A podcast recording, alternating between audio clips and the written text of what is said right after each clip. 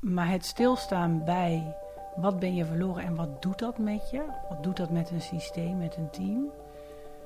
Is in mijn ogen heel belangrijk. Ik was zo klaar met mijn verdriet en mijn pijn. Ik dacht, ja, nou, nou is het wel klaar. Ik was zoveel verder in mijn emoties. Dus misschien kan het wel. Op, een, op momenten, denk ik. En dat, maar dat was wel door er dwars doorheen te gaan. Dat waren drie hele pittige dagen, kan ik je vertellen. We choose to go to the moon in this decade and do the other things. Now is the time to act. Now is the time to say, yes, we can. Welkom bij podcast 38 van de podcast over transformaties. Met deze keer een gesprek met Brechtje van Genen over rouw en de verschillende vormen van rouw. Brechtje bespreekt, beschouwt en het is zo mooi om te horen hoe ze ruimte maakt waarin rouwen mag en dus niks moet. Ze maakt zogezegd een container waarin we samen kijken en verkennen, vrij uit. En brengt ook haar eigen ervaringen in. Ik wens je heel veel plezier met het beluisteren van deze podcast. Fijn dat je er bent. Dank je. Ehm, en we hebben hier net voor ook al zitten voorbespreken, bijna een half uur. Ook al heel veel met elkaar besproken. Mhm.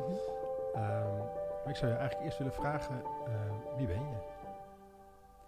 Grote vraag vind ik dat altijd. Ja, ja. Laten we beginnen met mijn naam. Die is Brechtje van Genen. Eh, geboren en getogen Brabantse. 46. Twee kinderen van vijf- ja, nu, hè, op dit moment 15 en 11.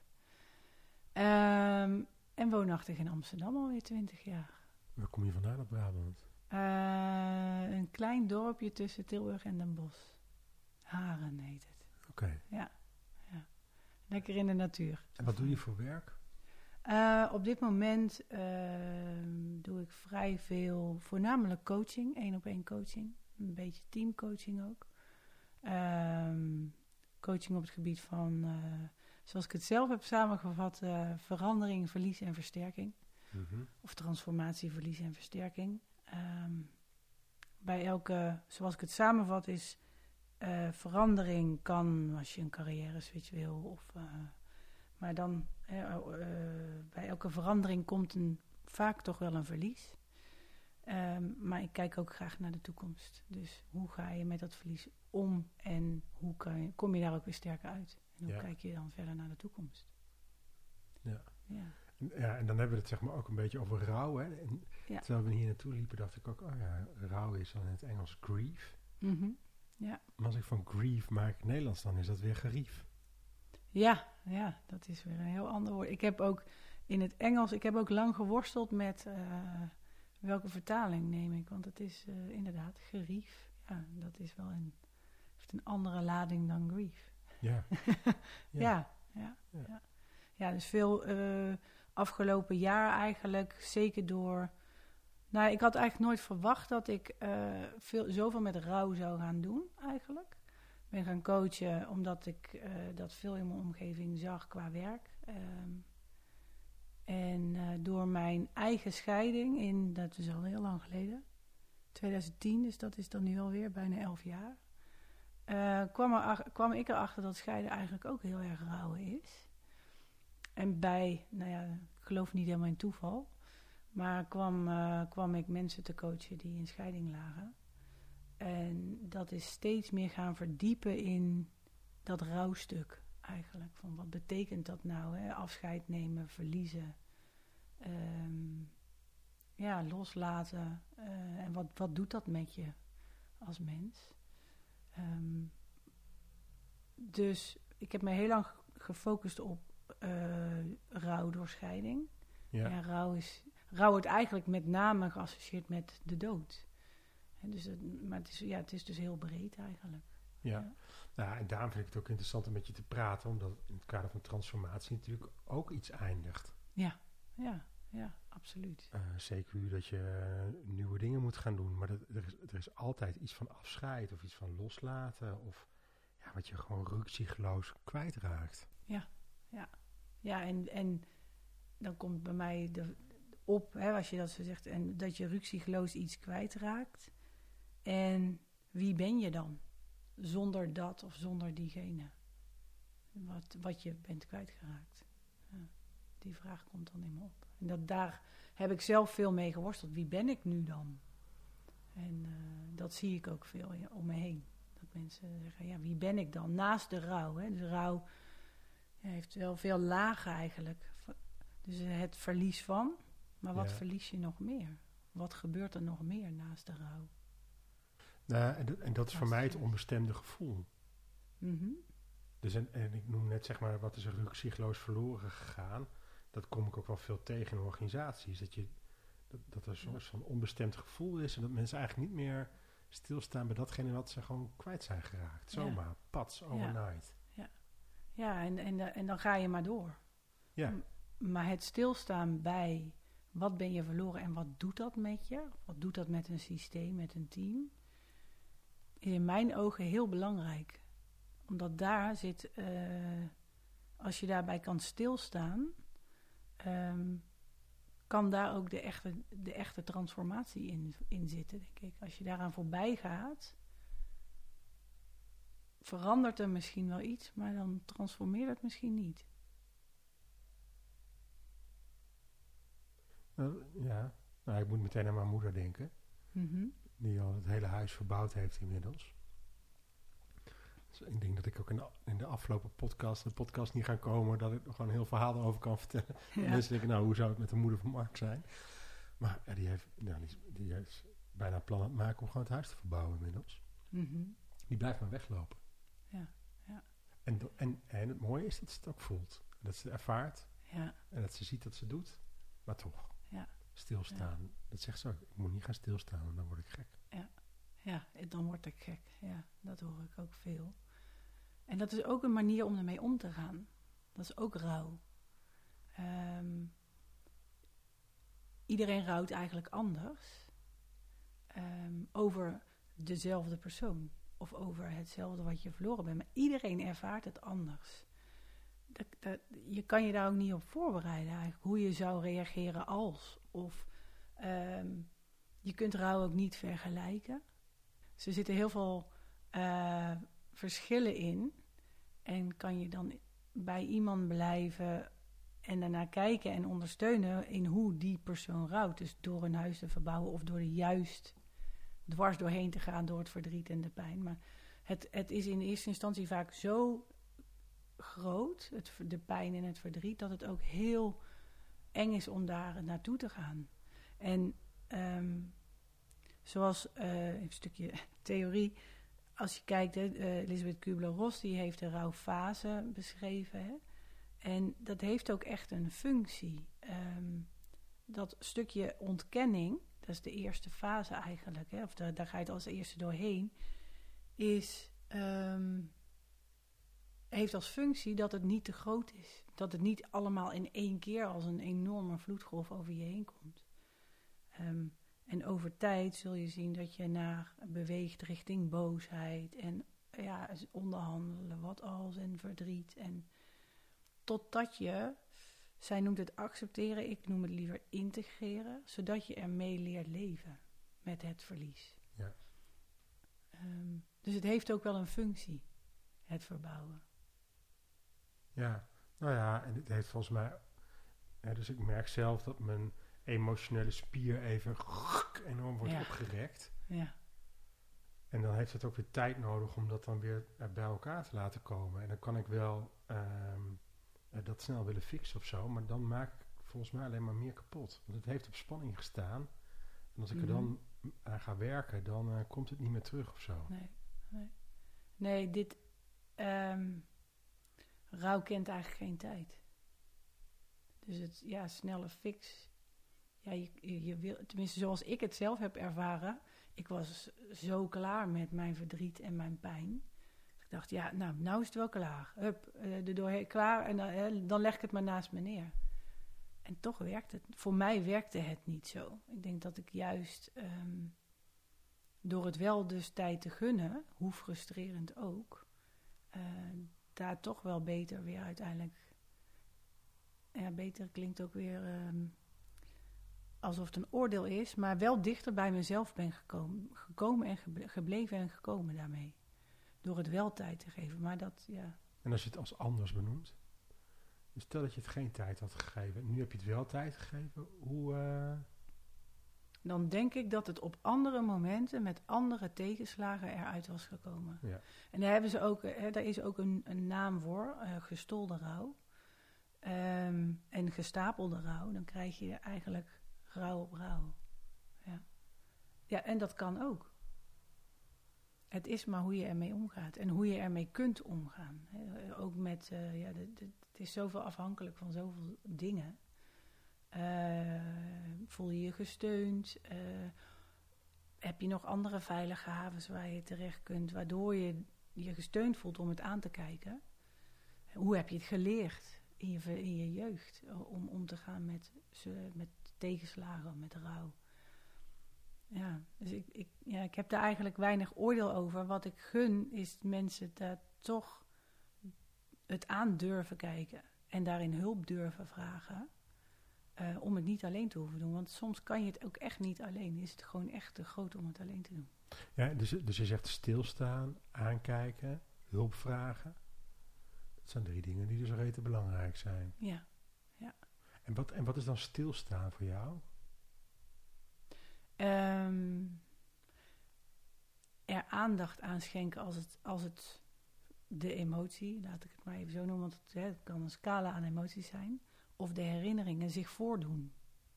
En dat hoeft niet 24 uur, 7 dagen in de week. Ja. Je kan ook, hè, je, je, je, Ja.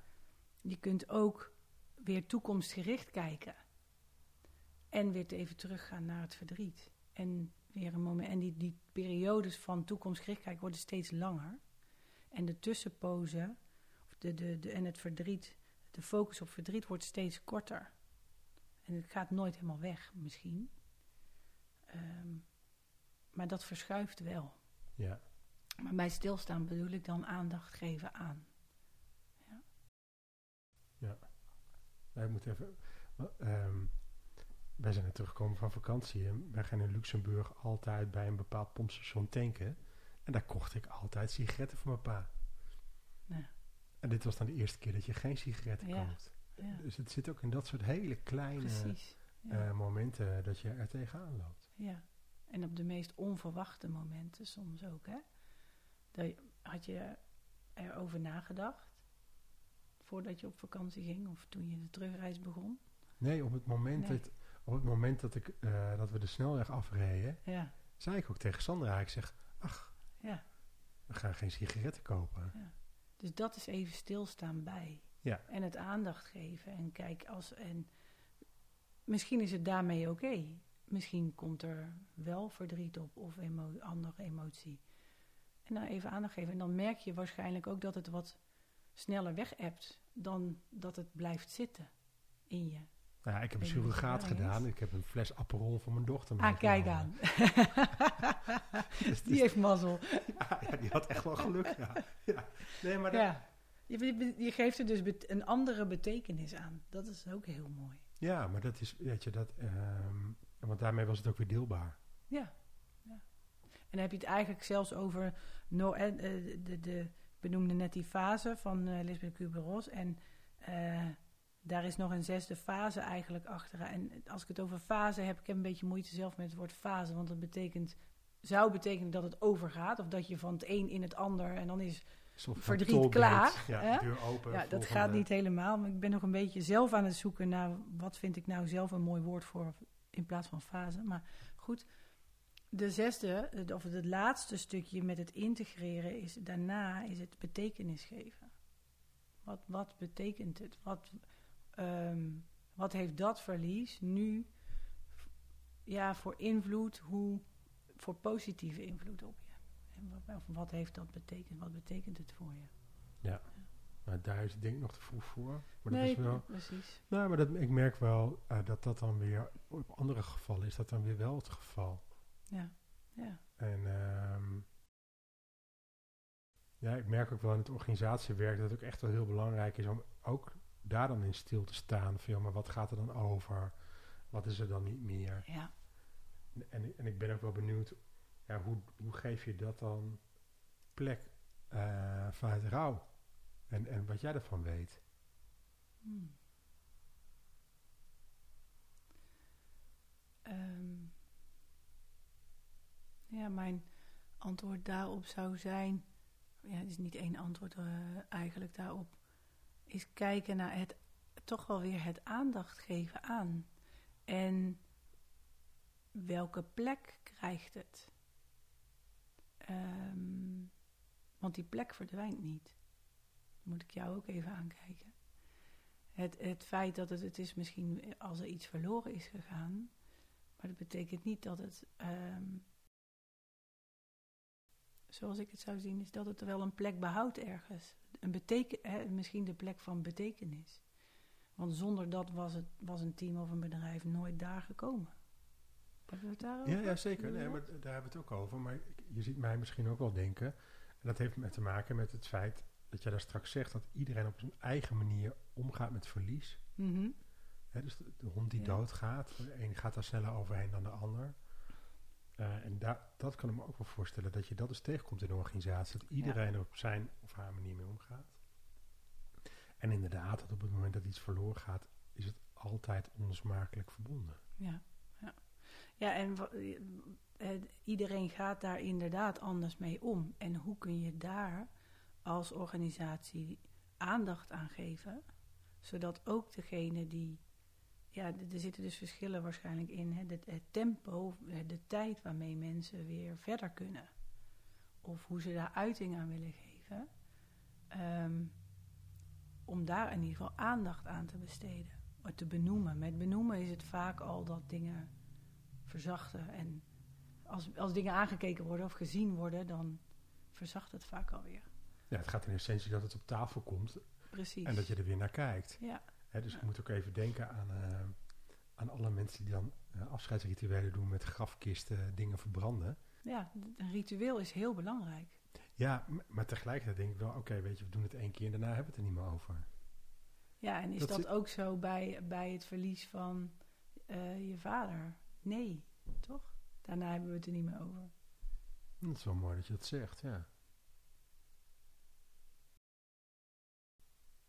Ja, want, want het is een soort van eerbetoon.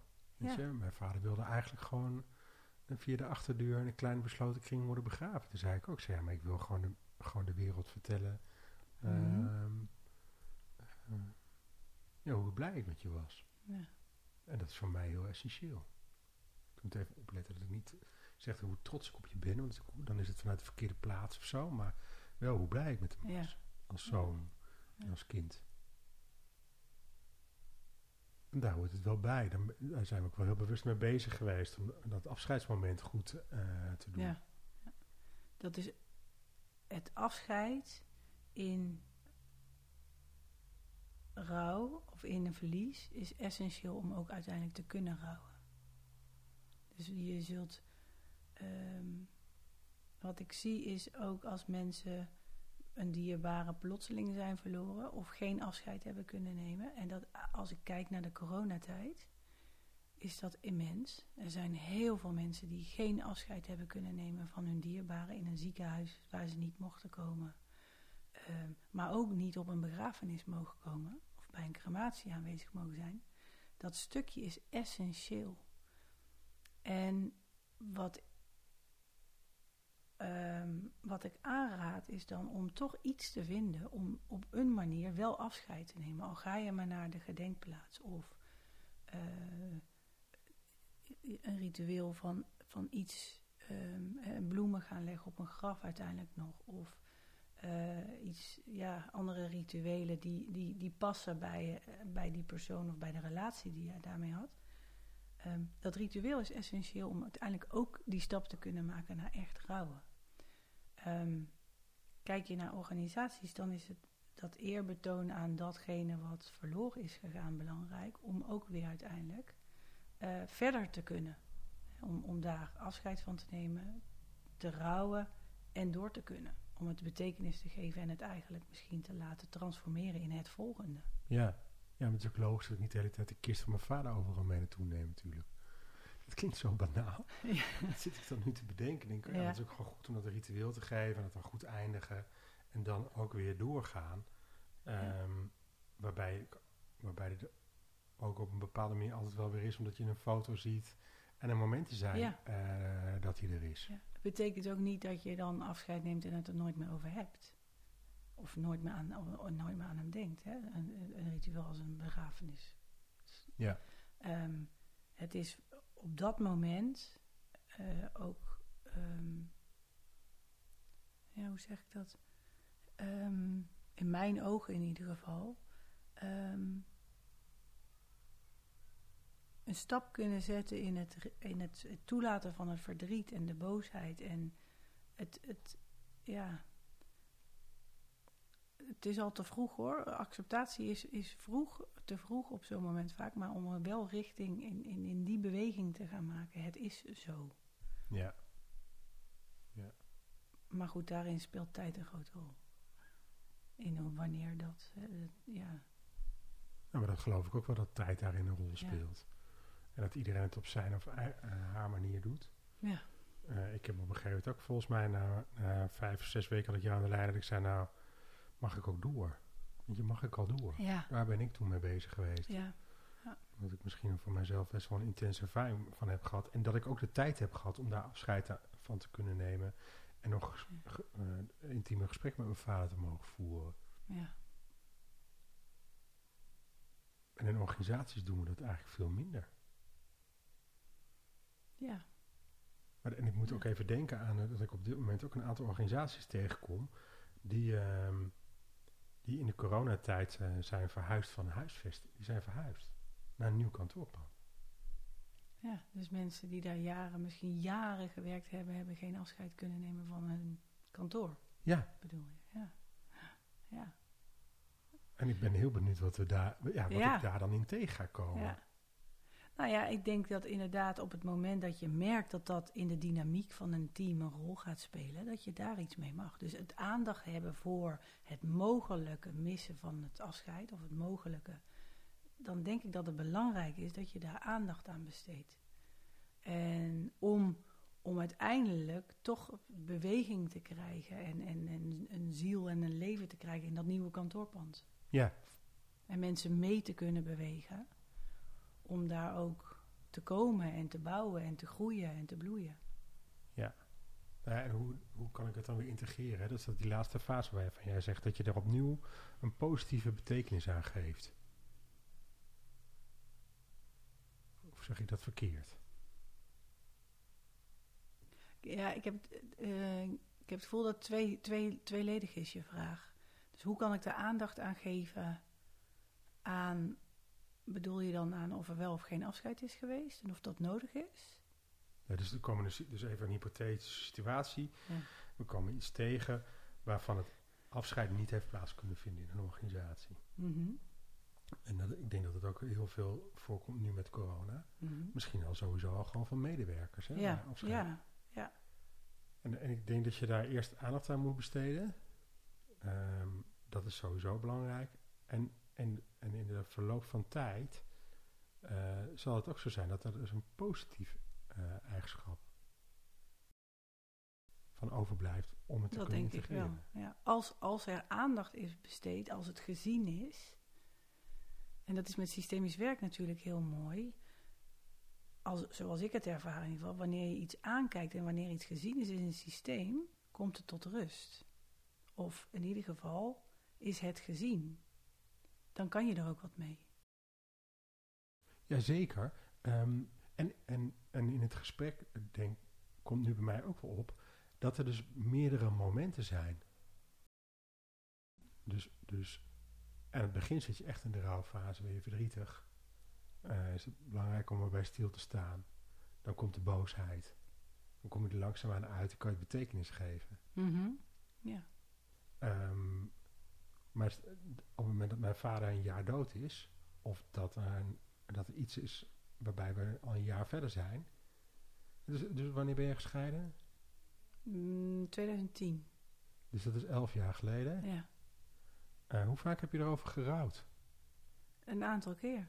Ja, En als ik heel eerlijk ben, soms zijn er nog wel dingen waarvan ik denk... pff, ik wou dat het niet zo was. Ja. Dus Ja. Vooral als ik naar mijn kinderen kijk. Ja. Dus dat, dat is een proces wat zich op, in dieptes en op vlakken herhaalt. Misschien, hè? het hoeft niet. Ja, ik, ik steek zo in elkaar dat ik daar eh, wel aandacht aan besteed.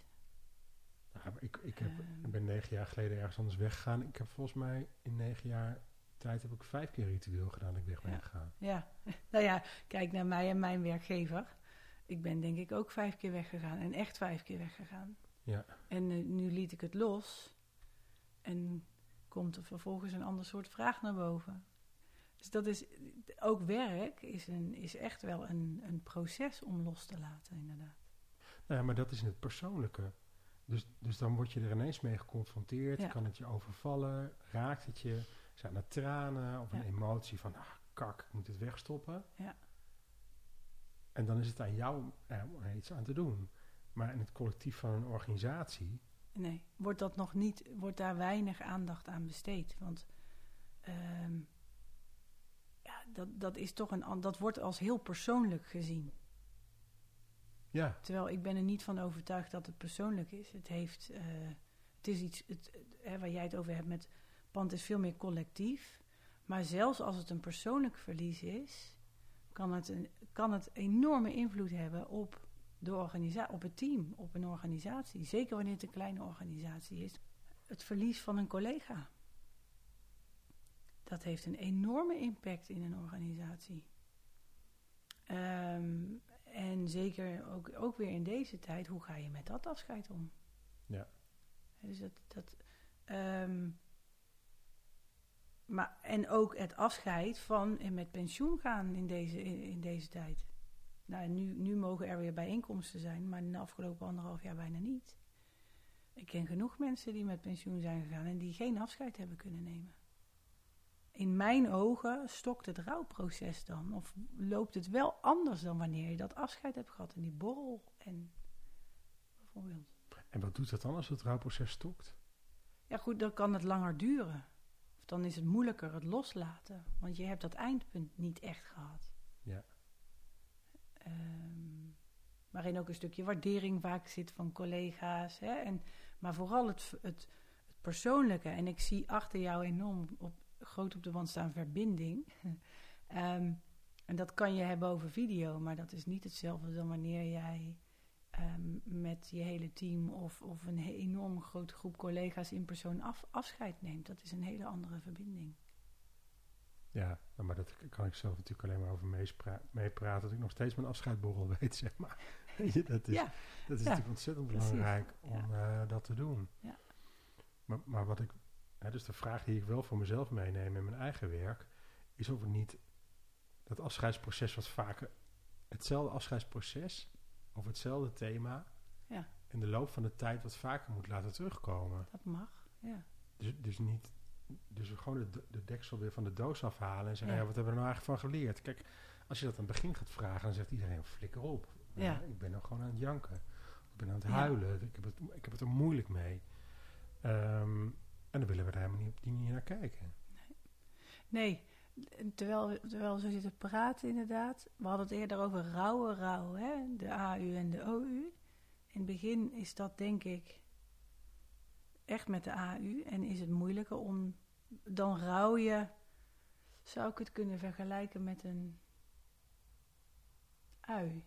Waarbij je eigenlijk de eerste lagen afhaalt, maar er zitten nog veel meer lagen onder. Dus wanneer je de eerste laag hebt gerouwd, het hoeft niet allemaal achter elkaar en meteen, maar elke keer weer een laagje af, komt er weer een nieuw stukje naar boven. En dat is door het jaar heen met de eh, dingen die je, hè, de verjaardagen, de kerst, de, de, eh, die momenten. Maar dat is volgend jaar ook weer en het jaar daarna ook weer. Maar je gaat het elke keer anders beleven. En toch ook denk ik wel een stukje rouwen, maar hij wordt, de rouw wordt anders minder rauw misschien. Nou, en ik denk dat dat in een persoonlijke context speelt. Mhm. Maar dat we in een organisatiecontext daar eigenlijk veel te weinig ruimte voor geven. Hij speelt er ook, maar inderdaad, Ja, na één ook, keer is het klaar. Ja. Dan hebben we het daar misschien niet meer over. Ja, en bij een deel, want je hebt natuurlijk in een organisatie ook nog de bijkomstigheid dat er de, eh, mensen komen en gaan, gaan en komen. Dus er komen nieuwe mensen bij die daar helemaal geen binding mee hebben. Dus dat heeft ook invloed op het niet herhaaldelijk rouwen. Ja, die zeggen dan, ik heb hier niks mee. Hè? Weet je, ik heb ja, het niet wordt meegemaakt. steeds minder noodzakelijk misschien. Ik vind het op zich wel heel erg interessant om te kijken. ehm, om naar te kijken vanuit het perspectief wat er gebeurt als je op meerdere momenten rustig terug laat komen. En eh, dat het misschien ook wel gewoon in een organisatie is om te kijken, of, weet je, wat zijn jullie momenten van rouw geweest? En hoe heb je dat gedaan? Dus ik denk dat met name wanneer er ergens geen groei is of er geen flow is, of het niet loopt, men vastloopt of in cirkels draait, dat het ook belangrijk om- is om te kijken naar, moet er nog ergens over gerouwd worden? Of is er rouw wat aangekeken mag worden? Ja, En dat is een onderwerp wat nog niet zoveel in, in organisaties, denk ik, maar goed, daar heb ik geen cijfers over, wordt, zo wordt benoemd. nee, niet in de fasering. Wel eh, dat er natuurlijk wordt gekeken naar trauma. Ja, en hoe je dat dan een plek geeft. Ehm, en ik denk dat het plotseling overlijden van iemand, of in ieder geval Mhm. een organisatie, eh, zijn er meerdere momenten van trauma, maar ook in familiesystemen. En dan is het belangrijk om net voorbij trauma te komen. ja, En eh, de verbinding te maken weer met de overgrootouders die dat trauma niet kennen bijvoorbeeld, zodat de energie in die familielijn wel door kan stromen. En dat, is in een organisatie ook zo. Ja, precies. En, ehm, en, ja, en dat is gewoon, ik vind dat heel interessant om er naar te kijken. Want dan Ja. zie je namelijk ook waarden naar boven komen die eigenlijk gewoon rouw, die aan de rouw hangen. Ja, Het is een overlevingsmechanisme geweest. ja, En vervolgens eh, maken ze daar een kwaliteit van. ja, ja, precies. En dan kan, er weer, dan kan het weer groeien als je dat hebt aangekeken of ehm, daarmee gewerkt hebt. Nou, dan komt de oorsprong van die waarde weer eh, vast te liggen. En dan kan je hem weer loslaten. Ja. Want als je in een shared service centrum bent en eh, je bent samengeklonterd en je hebt het gevoel dat je weg bent, eh, dat, je, dat je af bent gedankt en dat je het daarom alleen moet doen. Eh, en als dat als dominante logica, we moeten het alleen doen in een organisatie, zit Ja. in een shared service centrum, nou, dan kom je niet zo heel veel Nee. shared tegen. Nee, nee, precies. Dus, ja, dat is dat, mooi. ja, dus, dus, dus, dus dat is de keerzijde van rouw. Ja, dat klopt. Ja, en ik zit te denken, inderdaad met overname, met, met culturen bij elkaar brengen, eh, is dat essentieel om naar te kijken. Nou ja, en dus meerdere momenten. Ja. Mogelijk. Hè? Mogelijk. Dus, dus ik Wanneer, ja, Ik mogelijk. ben geen expert Ja. daarin. Maar als ik het zo, dan denk ik, ja, dat neem ik mee. Dat is wel iets hoe ik ernaar ga Ja. kijken. Dus in het transformatiewerk en het veranderwerk. Niet alleen maar ehm, het ritueel van het begraven van de doodskist, wat ik nooit heb gedaan overigens hoor. Maar, maar, wel op bepaald, maar daarna wel op momenten weer terugkomen en zeggen, Ja. goh, hoe is het er nu mee? hoe gaat het ermee? Ja, precies. Eh, want ik heb me in het afscheidsproces van mijn vader ook wel eh, alleen gevoeld. En ook wel dat ik bepaalde dingen en kwaliteiten even heb moeten uitschakelen. Mhm. En dan merk ik dat ik dat misschien nu nog steeds doe. Ja, ja. ja en, en, en, en daar heb je het ook nodig om af en toe stil te staan en te kijken, wat heb ik nodig? Waar heb ik aandacht aan te geven? En is Ja. dat dan rouw? Eh, is dat iets anders? Zodat je weer verder kunt. Hoe kan je rouw versnellen? Niet? nee? Dus ik denk dat dat mijn korte... Nee, niet. Ik denk, dat, wat ik al zei, tijd, tijd speelt daar zo'n ander, krijgt zo'n andere dimensie. Het is trouwens wel een grappige vraag, want ik krijg een herinnering op.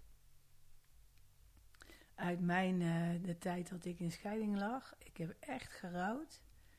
En eh, ik werd door een heel dierbare collega... eh, gewezen op een driedaagse ontwik persoonlijke ontwikkelingscursus. En ik dacht echt, oh nee, ik zit veel te diep in mijn verdriet en boosheid. En, en ik zei nee, ik ga niet. Nou, uiteindelijk ben ik gegaan. En het voelde alsof ik, en dat heb ik toen al gezegd, en dat komt nu op nu jij deze vraag stelt. eh, alsof ik op de fast forward druk. Dus je hebt eh, play en terug en voor. Alsof ik op de fast forward had gedrukt, die drie dagen. Ik was zoveel verder in mijn emoties. Dus misschien kan het wel. Op, een, op momenten, denk ik. En dat, maar dat was wel door er dwars doorheen te gaan. Dat waren drie hele pittige dagen, kan ik je vertellen. Ja. Ehm, dus dat, dat op momenten kan het misschien wel. Maar uiteindelijk neemt het zijn tijd die het nodig heeft. En, en wat bedoel je met er dwars doorheen gaan? Want toen heb je Door de gewoon... pijn en de boosheid en, de, Ja.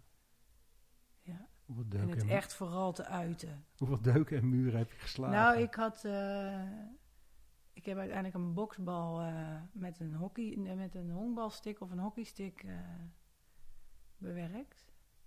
Twee uur, geloof ik. Ik had de blaren op mijn handen staan. Ja. ja. Dat was echt nodig. En ik heb daarna een boksbal gekocht. dus die staat in de keuken. En die staat nog steeds in de keuken. Staat er nog. Ja, nou ja, niet, niet meer. Niet, die staat er. Want hij heeft echt een functie. En met twee jongens in huis is het ook best fijn als ze daarop zich uiten en niet op elkaar. dus hij heeft ook die functie inmiddels. Eh, ik heb ook een boksbal achter in de auto liggen. Niet, voor me, niet zozeer voor mezelf, maar eh, voor als die nodig is. Ja. ja. Ik geloof ook wel dat dat bepaalde momenten zijn dat het kan. ja. Als ik je zo hoor. Ja, je moet je veilig voelen. Sowieso. Ja. Eh, ja, en het, het, kan, het kan niet altijd. Nee, maar soms, maar soms ook niet innerlijk. Soms komt het er ook, als zou je het willen, komt het er niet uit. Maar waar dat nou aan ligt, dat weet ik niet. Het is, dat is het juiste moment op de juiste plek met de juiste mensen om je heen, denk ik. Of persoon, of misschien ook zelfs niet. Maar ja, het is wel interessant om over na te denken of je het kan versnellen. Zeker in een organisatie is natuurlijk relevant. Nou, ik denk de, dat de grootste versnelling zit in het eh, aankijken. Het, het face it, zeg maar. Ja. Eh, en dan moet ik aan iets anders denken. Je hebt een, mijn kinderen die hebben dat als, als die roepen dat wel eens. Eh, van een kinderprogramma. We kunnen er niet overheen. We kunnen er niet onderdoor. We kunnen er niet langs heen. We moeten er dwars doorheen.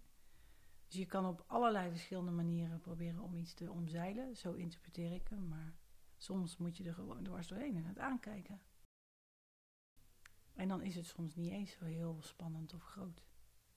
Dan maken we het gewoon veel groter dan we de, dan in ons hoofd. Ja. Nou, ik heb het ook wel eens meegemaakt ergens hoor.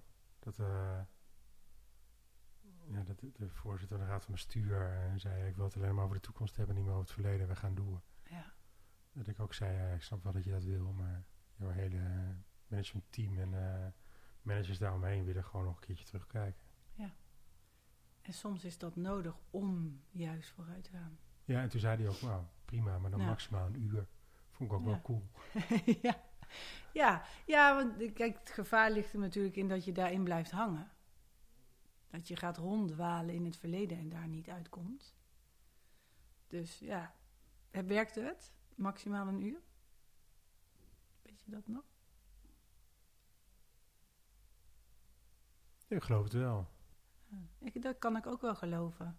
En wat zijn dan, ja, dus ik geloof wel dat het heeft, ja, het heeft zeker, dat heeft zeker gewerkt, maar ook om er gewoon een tijdscap op te zetten. Van, Ja. jongens, weet je, we gaan het er gewoon een uur over hebben. Ja, En dan is het gebeurd. Ja. En dat, ehm, dat geeft je namelijk ook richting en dan moet het gebeuren. Soms werkt dat gewoon heel nou, in die goed. tijd moet het gebeuren. Dus ik vind Ja. het ook fijn in te coachen om te wandelen met mensen. Ja, En dan eigenlijk altijd wel het standaard rondje. ja, ja, en in dat rondje moet het gebeuren. En mensen weten dat het dan moet gebeuren. Ja, En, eh, en dat is toch anders dan dat ik zit. absoluut. Ja, dat ervaar ik ook zo. En dat is, met, en dat is denk ik ook maar met dit eh, stuk wat ik net noem.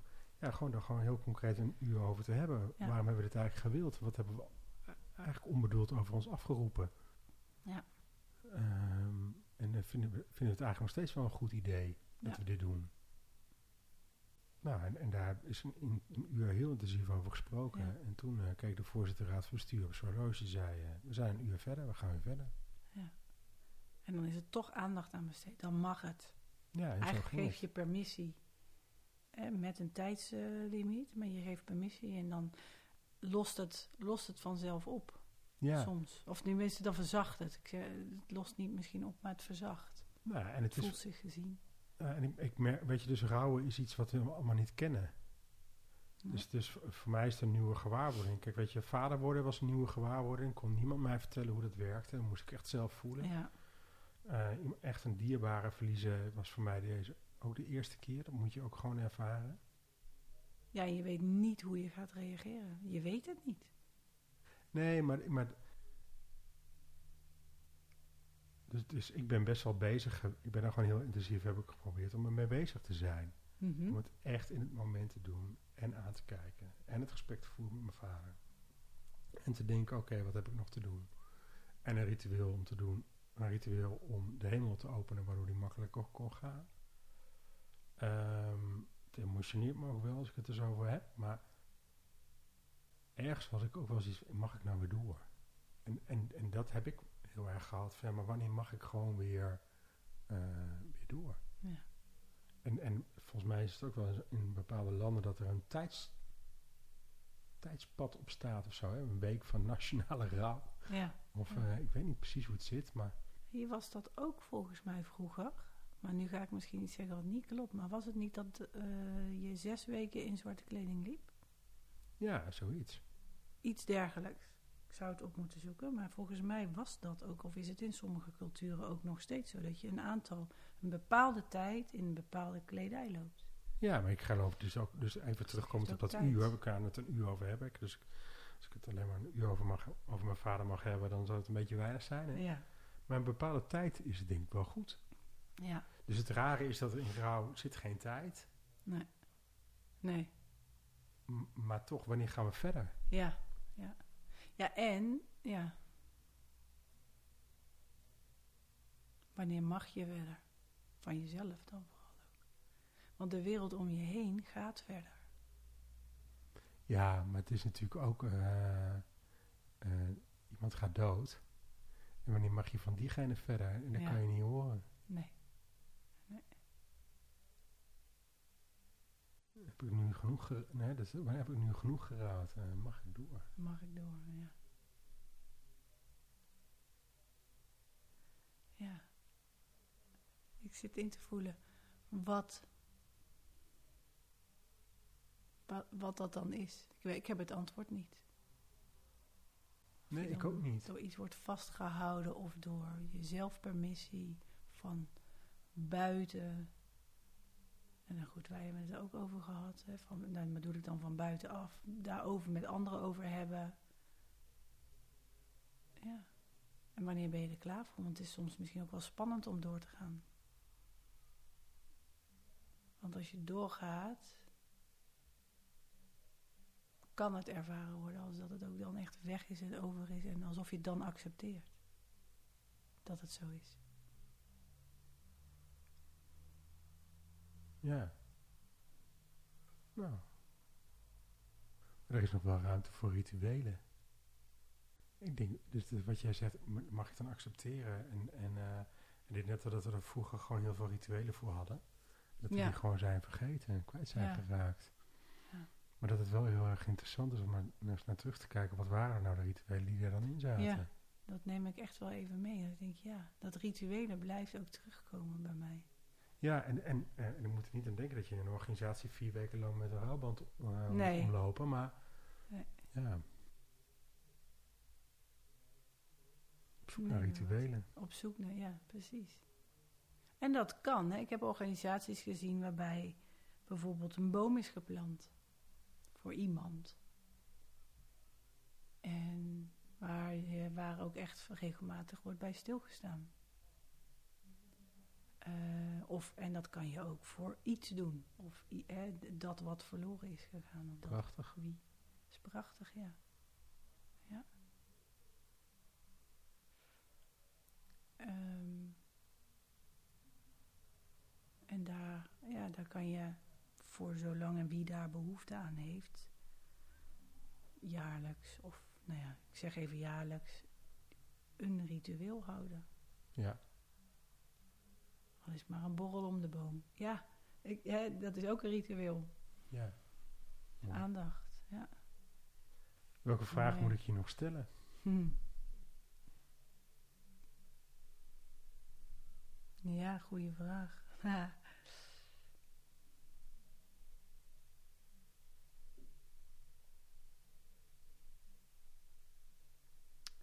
Ehm, wat in me opkomt, maar ik heb het antwoord niet. Dus misschien ga ik hem wel aan jou stellen. Nee, kom maar door. Wat is er nodig om hier meer aandacht voor te krijgen? Binnen organisaties. Op zowel individueel als op organisa team- als organisatieniveau. Het is wel, want het is een onderwerp wat niet makkelijk bespreekbaar is. En waarom is het niet makkelijk bespreekbaar? Ja, weet ik niet. Het krijgt geen. eh, geen voet, wil ik zeggen. Ik zeg het maar gewoon.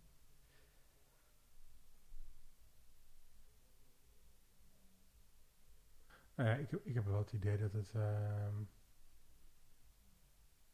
dat het wel meer aandacht aan het krijgen. eh, het krijgt meer aandacht. Ja, het krijgt wel meer aandacht. En ehm, wat eventjes bij mij opkomt, Ik is dat. ehm, we hebben natuurlijk die hele. Er is ook natuurlijk de wisdom of trauma en het traumawerken staat sowieso heel erg in de, in de Ja. belangstelling. Wat ik op zich heel erg interessant vind. Waarom is daar dan nu de tijd voor? Ja, Ehm, nou, als ik dat dan zo een beetje langs pa- laat passeren, dan is dat toch misschien ook wel gewoon dat we nu de tijd hebben en de ruimte om, eh, om datgene wat er gebeurd is in de Tweede Wereldoorlog nog wat verder eh, plek te geven.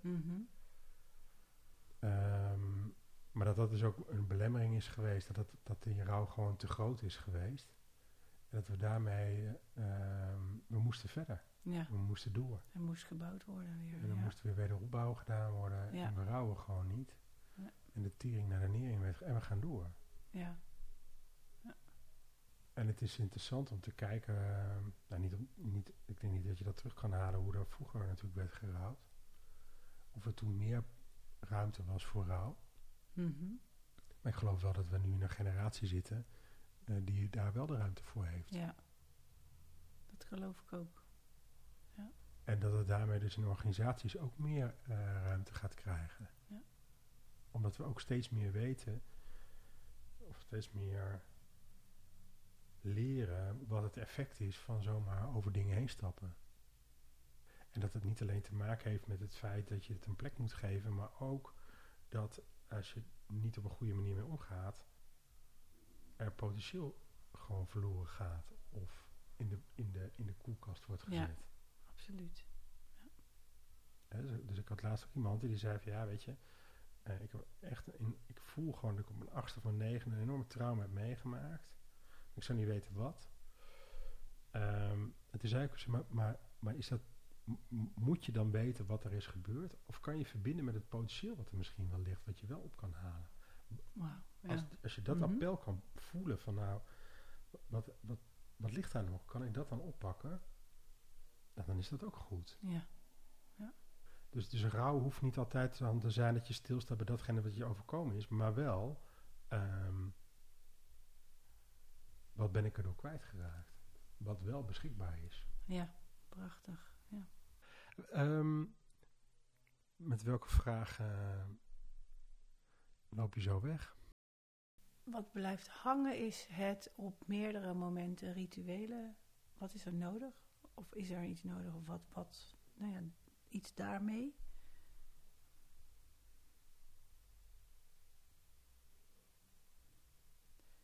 En ja, nou, dat, dat stuk blijft wel het meest bij me. Hoe kan je dat toch meer en ja, niet vaker, maar va- wel vaker op zoek gaan naar wat hè, is daar iets in aan te kijken om het potentieel, hoe jij benoemt, of hoe de groei of de flow weer op te pakken. Ehm, hoe, om dat toch vaker aandacht te geven.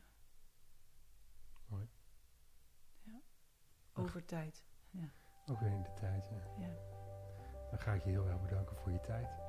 En jij ook. En dank voor jouw zijn en je mooie vragen. Graag gedaan. Zo zijn we weer aan het einde gekomen van een nieuwe podcast. Mocht je een vraag hebben naar aanleiding van de podcast of over organisatietransformatie in zijn algemeen, dan kan je mij een mail sturen op markapenstaartovertransformaties.nl. Daarnaast kan je je op de website overtransformaties.nl inschrijven voor de podcast alert. Als er dan een nieuwe podcast is uitgebracht, krijg je hiervan een bericht. Nogmaals dank voor het luisteren en wellicht tot een volgende podcast.